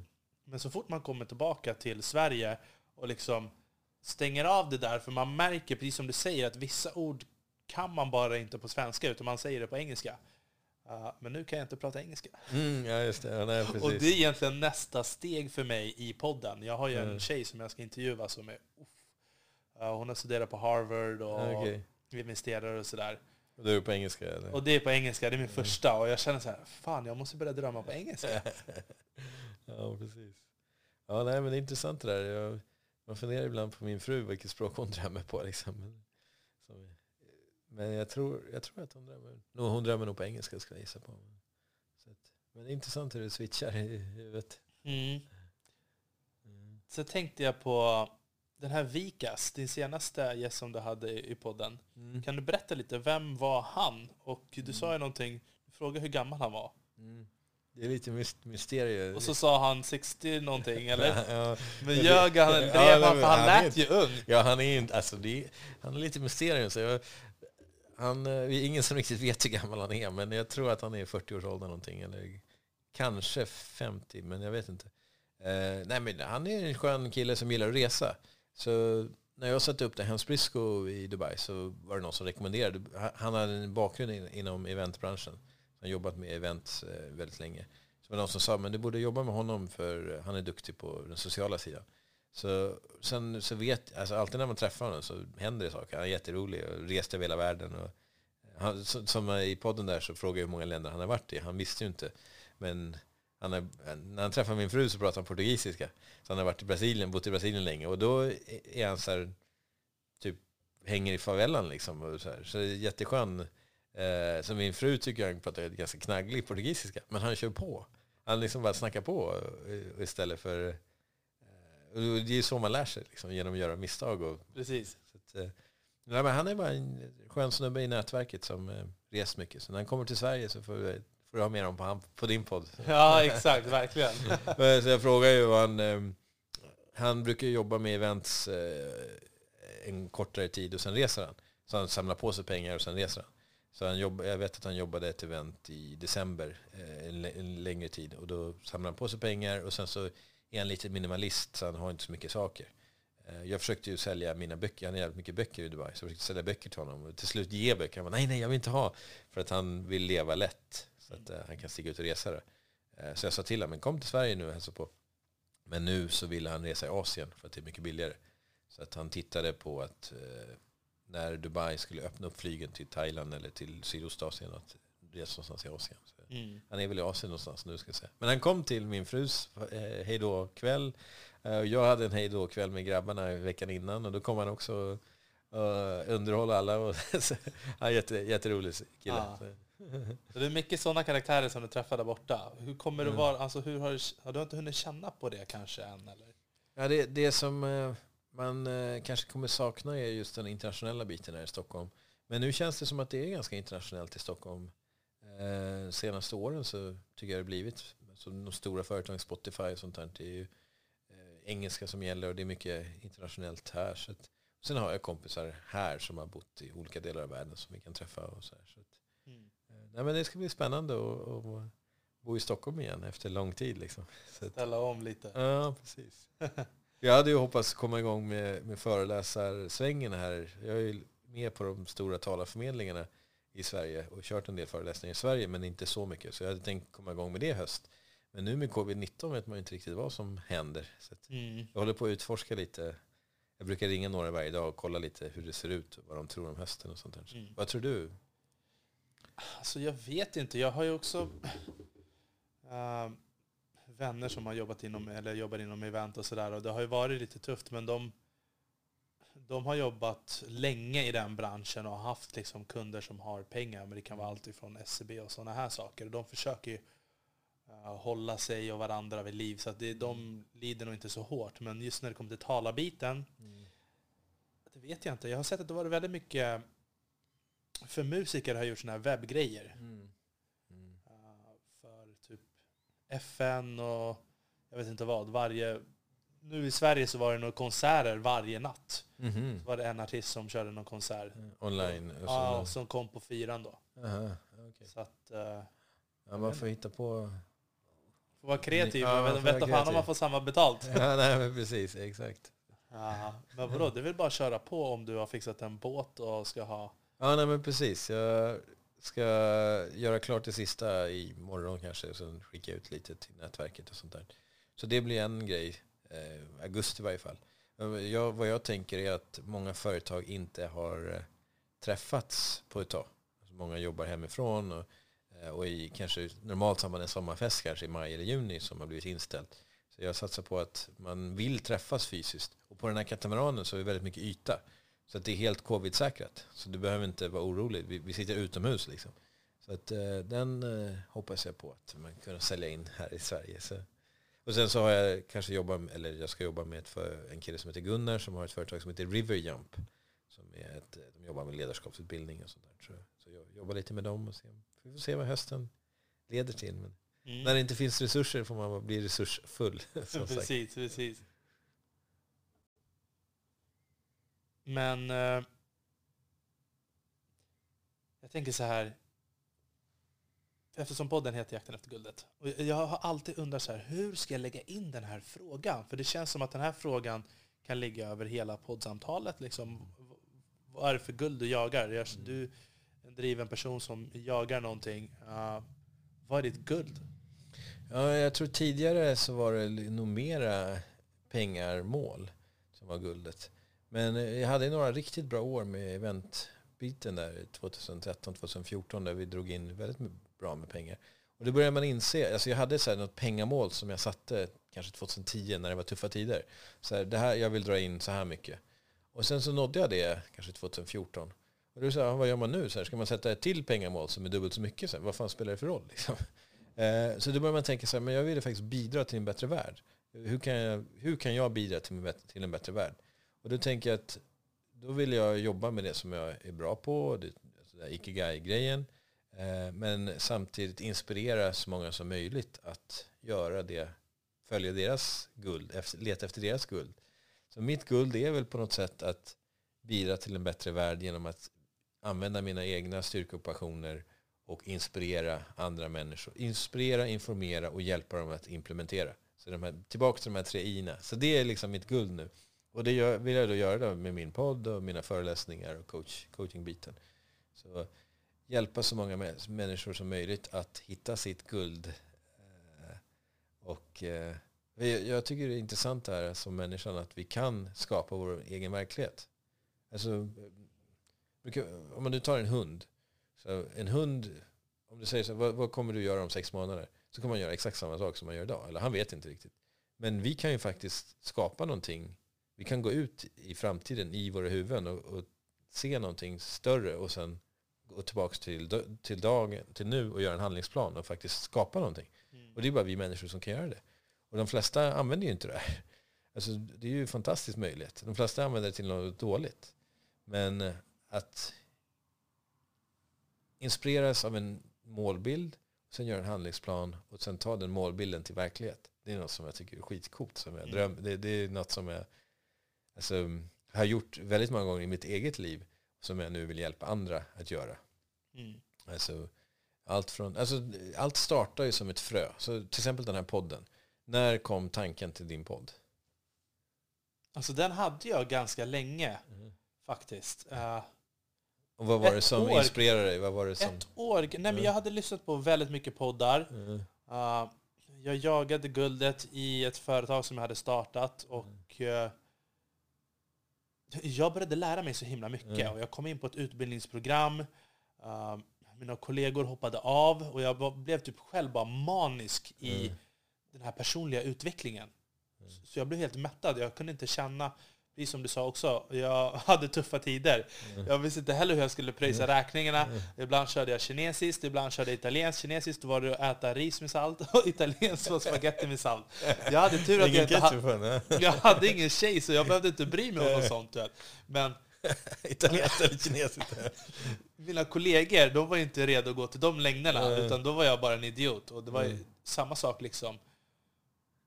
Där har jag haft otroligt tur att jag har ett bra nätverk som liksom mm. har hjälpt mig att okej, okay, ja men vadå, vi går ut på krogen. Jag har aldrig behövt säga, ja, men köp en öl till mig. Alltså, vi är inte så i, i vårt crew, eller vad man ska säga. Så att på så sätt så har jag alltid liksom kunnat gå rak i ryggen och, mm. och fortsätta. Men jag ville, jag ville ta nästa steg och det var så här, okej, okay, nu måste jag jag måste fixa en podcast så att jag liksom kan öka takten på det jag gör. Mm. Och där är ju ett exempel på något som startar som ett frö, som en inspiration. Så här, shit, så börjar man se det framför sig. Så här, ah, coolt att ha en podd, så intervjuar andra människor. Och sen så tar du information. Okej, okay, vad behöver jag för utrustning? Så, vad behöver jag göra? Och sen implementation. Så här, hör, av, hör, hör av mig till gäster, boka plats där vi kan snacka. Och där är ju en sån, ta en dröm till verklighet. Det har ju du gjort. Och det tycker jag är fantastiskt att man kan göra det. Så jag har kört de här målseminarierna som jag har kört ute i öknen i Dubai. Det är ett, ännu ett spår. Jag har, jag, jag, jag, jag, har varit fascinerad av det där väldigt länge. Att just som människa så kan man ha en dröm och sen kan man göra det till verklighet. Alltså ta en dröm till verklighet. Det tycker jag är fantastiskt. Så jag tänkte i Dubai så har du den här öknen utanför som är jättehärlig. Jag saknade naturen i Dubai. Men åker du en halvtimme ut så har du en fantastisk, det är lite samma känsla som att vara på havet när du sitter i öknen. Så tänkte jag, kanske ta ut folk och köra seminarier här i öknen. Så jag startade det kanske 2014. Så jag tog ut grupper i öknen. Så körde vi en föreläsning om det här drömmar till verklighet, målbild. Och sen så fick folk sitta på sina sanddyner med, jag har en lista med frågor, coachande frågor. Så här, hur vill du att, om allt vore perfekt, hur skulle det se ut? Typ sådana frågor. Eh, så får de sitta i solnedgången och fundera på sitt liv. Ingen telefon, ingen täckning, inget som stör. Du, naturen, solnedgången. Fantastisk upplevelse. Så jag kallar det TAGS, The Ultimate Goal Seminar. Eh, så det började jag köra 2014 och sen har jag kört det på andra ställen också nu. Det, det handlar ju, först tänkte jag att det handlar om öknen, men det gör det inte. Det handlar om naturen, att naturen inspirerar.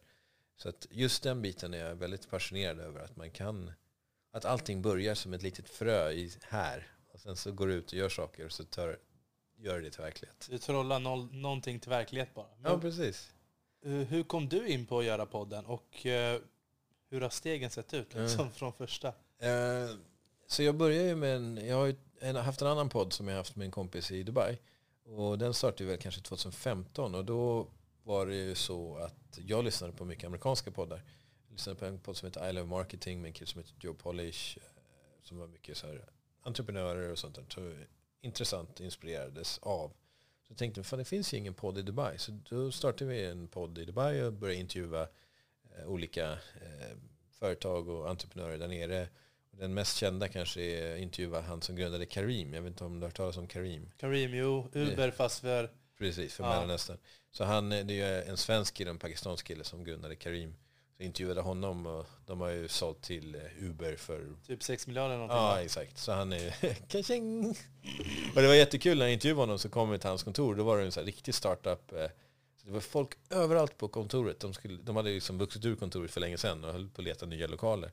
Så det fanns ingen konferensrum ledigt. Så man, fan kan vi köra intervjun i serverrummet? Så vi gick in i serverrummet och satt på så här kartonger typ på, på marken. Så hade jag med sig mikrofoner. Eh, så, det, och så tyckte det var kul. Man lär känna människor, man lär sig mycket och så här, ett sätt, att, sätt att träffas. Så 2017 så som jag gått mycket utbildningar inom personlig utveckling så har jag ett ganska stort nätverk inom den branschen. Och som Lars-Erik Unestål som är grundare av mental träning eh, så han känner jag lite grann, eller vi, vi hänger ibland liksom. Och då tänkte jag, men om jag, nu funderar jag på att flytta hem till Sverige. Det här var 2017. Så jag funderar på att flytta hem till Sverige ett tag. Eh, så tänkte jag, men då kanske jag måste starta en till podd som är för hela världen. Som inte är bara för Dubai. Så då intervjuade jag Lars-Erik Unestål 2017 och släppte på, på, på den vägen nere med den podden. Då. Mm. Och där så pratar jag om strategic tech coaching, om strategier, teknik och coaching. Alltså inspiration, information, implementation. Och framförallt med gäster, men ibland även egna tankar om just de här grejerna. Så, eh, och då är, kör jag på engelska. Så jag, jag ger ju, som Thomas Eriksson, omgiven av idioter. Eh, han har ju sålt sin bok i 500 000 ex i Sverige, men har sålt 3 miljoner över hela världen. Mm. Så, tänker jag, så min tanke är att låta de här svenska experterna komma på engelska och prata så att de får, kan nå hela världen. Så jag lyssnar i hela världen. Liksom. Det här var en smart grej. Som ja, nej, men jag tänkte... Alltså... Jag tänkte på det när jag hörde det avsnittet. Ja. Gud vad smart att du kör de här. Och Kjell, samma sak med Kjell. Ja, men precis. Alltså Kjell Enhager kan jag tänka mig får väldigt många förfrågningar med på poddar. Han är ju rätt populär. Men när jag säger att jag kör på engelska så du får chans att nå hela världen. Helt plötsligt får man svar. Liksom. Jag mm. känner inte honom, jag mejlade bara honom. Liksom. Uh, så det har varit liksom min nisch. Sen har jag haft även amerikanska gäster. Jag har haft Evan Carmichael som är en stor youtuber Eh, och eh, flera internationella gäster. Så jag tycker det var kul att köra på engelska. Men eh, samtidigt så kan det vara tvärtom ibland också. En del är inte bekväma med att köra på engelska. Mm. Så jag, Håkan Eriksson som är fotbollscoach, han har, känner lite inom nätverket så frågade honom men han ville inte, han tyckte var, ville inte köra på engelska. Så det är förståeligt, en del vill inte köra på engelska. Mm. Liksom. Så det kan vara en nackdel också. Det är inte alltid... Hur är det när du skickar ut de här förfrågningarna? Hur hur många är det som svarar och, och vad skriver du och hur mycket lägger du på? Mm. Eh, det är lite olika. Alltså en, ofta så är det någon som känner någon. Alltså, det, när jag började så började jag med mental träningsnätverket. Så de, de eleverna till Unestål som jobbar med mental träning, alltså till exempel Igor Adoris som är en av Sveriges främsta mentala tränare nu. Han kommer ju från Unestål-nätverket så han är elev av Unestål. Så jag började liksom med nätverket. Men sen när man har haft kända gäster så blir det ju lättare att få andra kända gäster. Mm. Alltså när jag hörde av mig till Thomas Eriksson, omgiven av idioter, och så kan jag säga men Kjell Enhager var på podden. Och då, jaha, var han? Liksom. Så då blir det... Så att, mm. Har man en känd så blir det liksom mer och mer. Så det blir lättare och lättare. Eh, men eh, jag, jag, hade så här drömgäster. Jag gjorde en lista på drömgäster typ i april när, när det var covid. Och då Kjell Enhager satte jag några, sen hade jag Paolo Roberto som drömgäst. Så jag tänkte jag, vad coolt det vore. Jag hade ju hört honom på Framgångspodden och sådär. Men nu kanske det var bra att jag inte hade. Han har fått ganska mycket skit i media. Så det kanske jag var har bra en kompis som skrev till honom direkt efter det där uh, inslaget så bara, att han ville ha med honom i podden. Och då svarade ju Lena, hans exfru, Okej. och tackade nej. Han jag misstänkte det. Nej. Han håller sig undan nu ett tag. Så. att, Ja. Upplands Väsby. Ja, nej alltså. Jag tycker verkligen det har varit nice att prata med dig i det här Mm. samtalet. Det var jättekul att komma hit. Mm. Uppskattar utsikten också. Eller hur? Har du några tips du kan ge någon som liksom vill ta sig ur sin comfort zone? Mm. Eh, var medveten om att du skapar din egen framtid och du kan göra det. Du kan ha en dröm och du kan ta den till verklighet. Du kan jaga guldet. Eh, och det, kan, det är inte alltid lätt. Det kommer vara tufft ibland. Och jag har haft perioder där det har varit riktigt tufft. Men när du kommer ut i de perioderna så kommer du ut ännu starkare. Så det är bara, egentligen så är det ju bara att köra. Eh, och det blir mycket mer spännande och roligt liv om du kör. Än istället för... Alltså man väljer tryggheten så i längden så är det inte riktigt tryggt. För när du väl, väljer otryggheten så är det separat. För när du kommer över det så blir du, du blir trygg i otryggheten. Eh, och det är ganska skönt att kunna vara det. Att nu min höst, eh, det, är inget, det finns inget som är säkert. Men jag är trygg i det. För att jag har varit i den situationen tidigare. Liksom. Så tuffa tider är inte... Det är som när du går på gymmet och lyfter tungt. När du, desto mer, sen måste du ha perioder när du vilar, annars så går muskeln, försvinner muskeln. Alltså om du tränar hela tiden för, för övertränar så blir det fel också. Du måste återhämta dig. Det är samma sak om du skapar, skapar saker. Att du måste återhämta dig och det kan man göra med meditation eller mental träning eller hitta, hitta sätt att återhämta sig. Det är också viktigt. Men gå ut och jaga guldet. Mm. Var kan man hitta dig om man vill få tag på dig? Ja, Strategic Tech Coaching eh, på Instagram. Eh, försöker vara aktiv där och eh, även strategictechcoaching.com där man kan hitta podden och sådär. Eh, och eh, ja, det är väl de två framför allt. Och sen har jag en YouTube-kanal också som är Strategic Tech Coaching. Om du behöver träna på engelska så jag kör allt på engelska. Ja. Jag får se om jag fortsätter med det nu när jag är här men antagligen så kommer jag fortsätta på engelska. Mm. Ja men då så. Tack så jättemycket att du kom hit eh, till podcasten Oskar Andemo. Uff, man blir helt utslagen men jag har verkligen haft ett, jag, vi har haft ett asskönt samtal och vi kommer definitivt träffas igen. Ja, absolut, det var jättekul. Tack så mycket. Och eh, till er andra där ute, vi hörs igen nästa vecka. Jakten efter guldet mina vänner. Med vänliga hälsningar, Armon Faltin.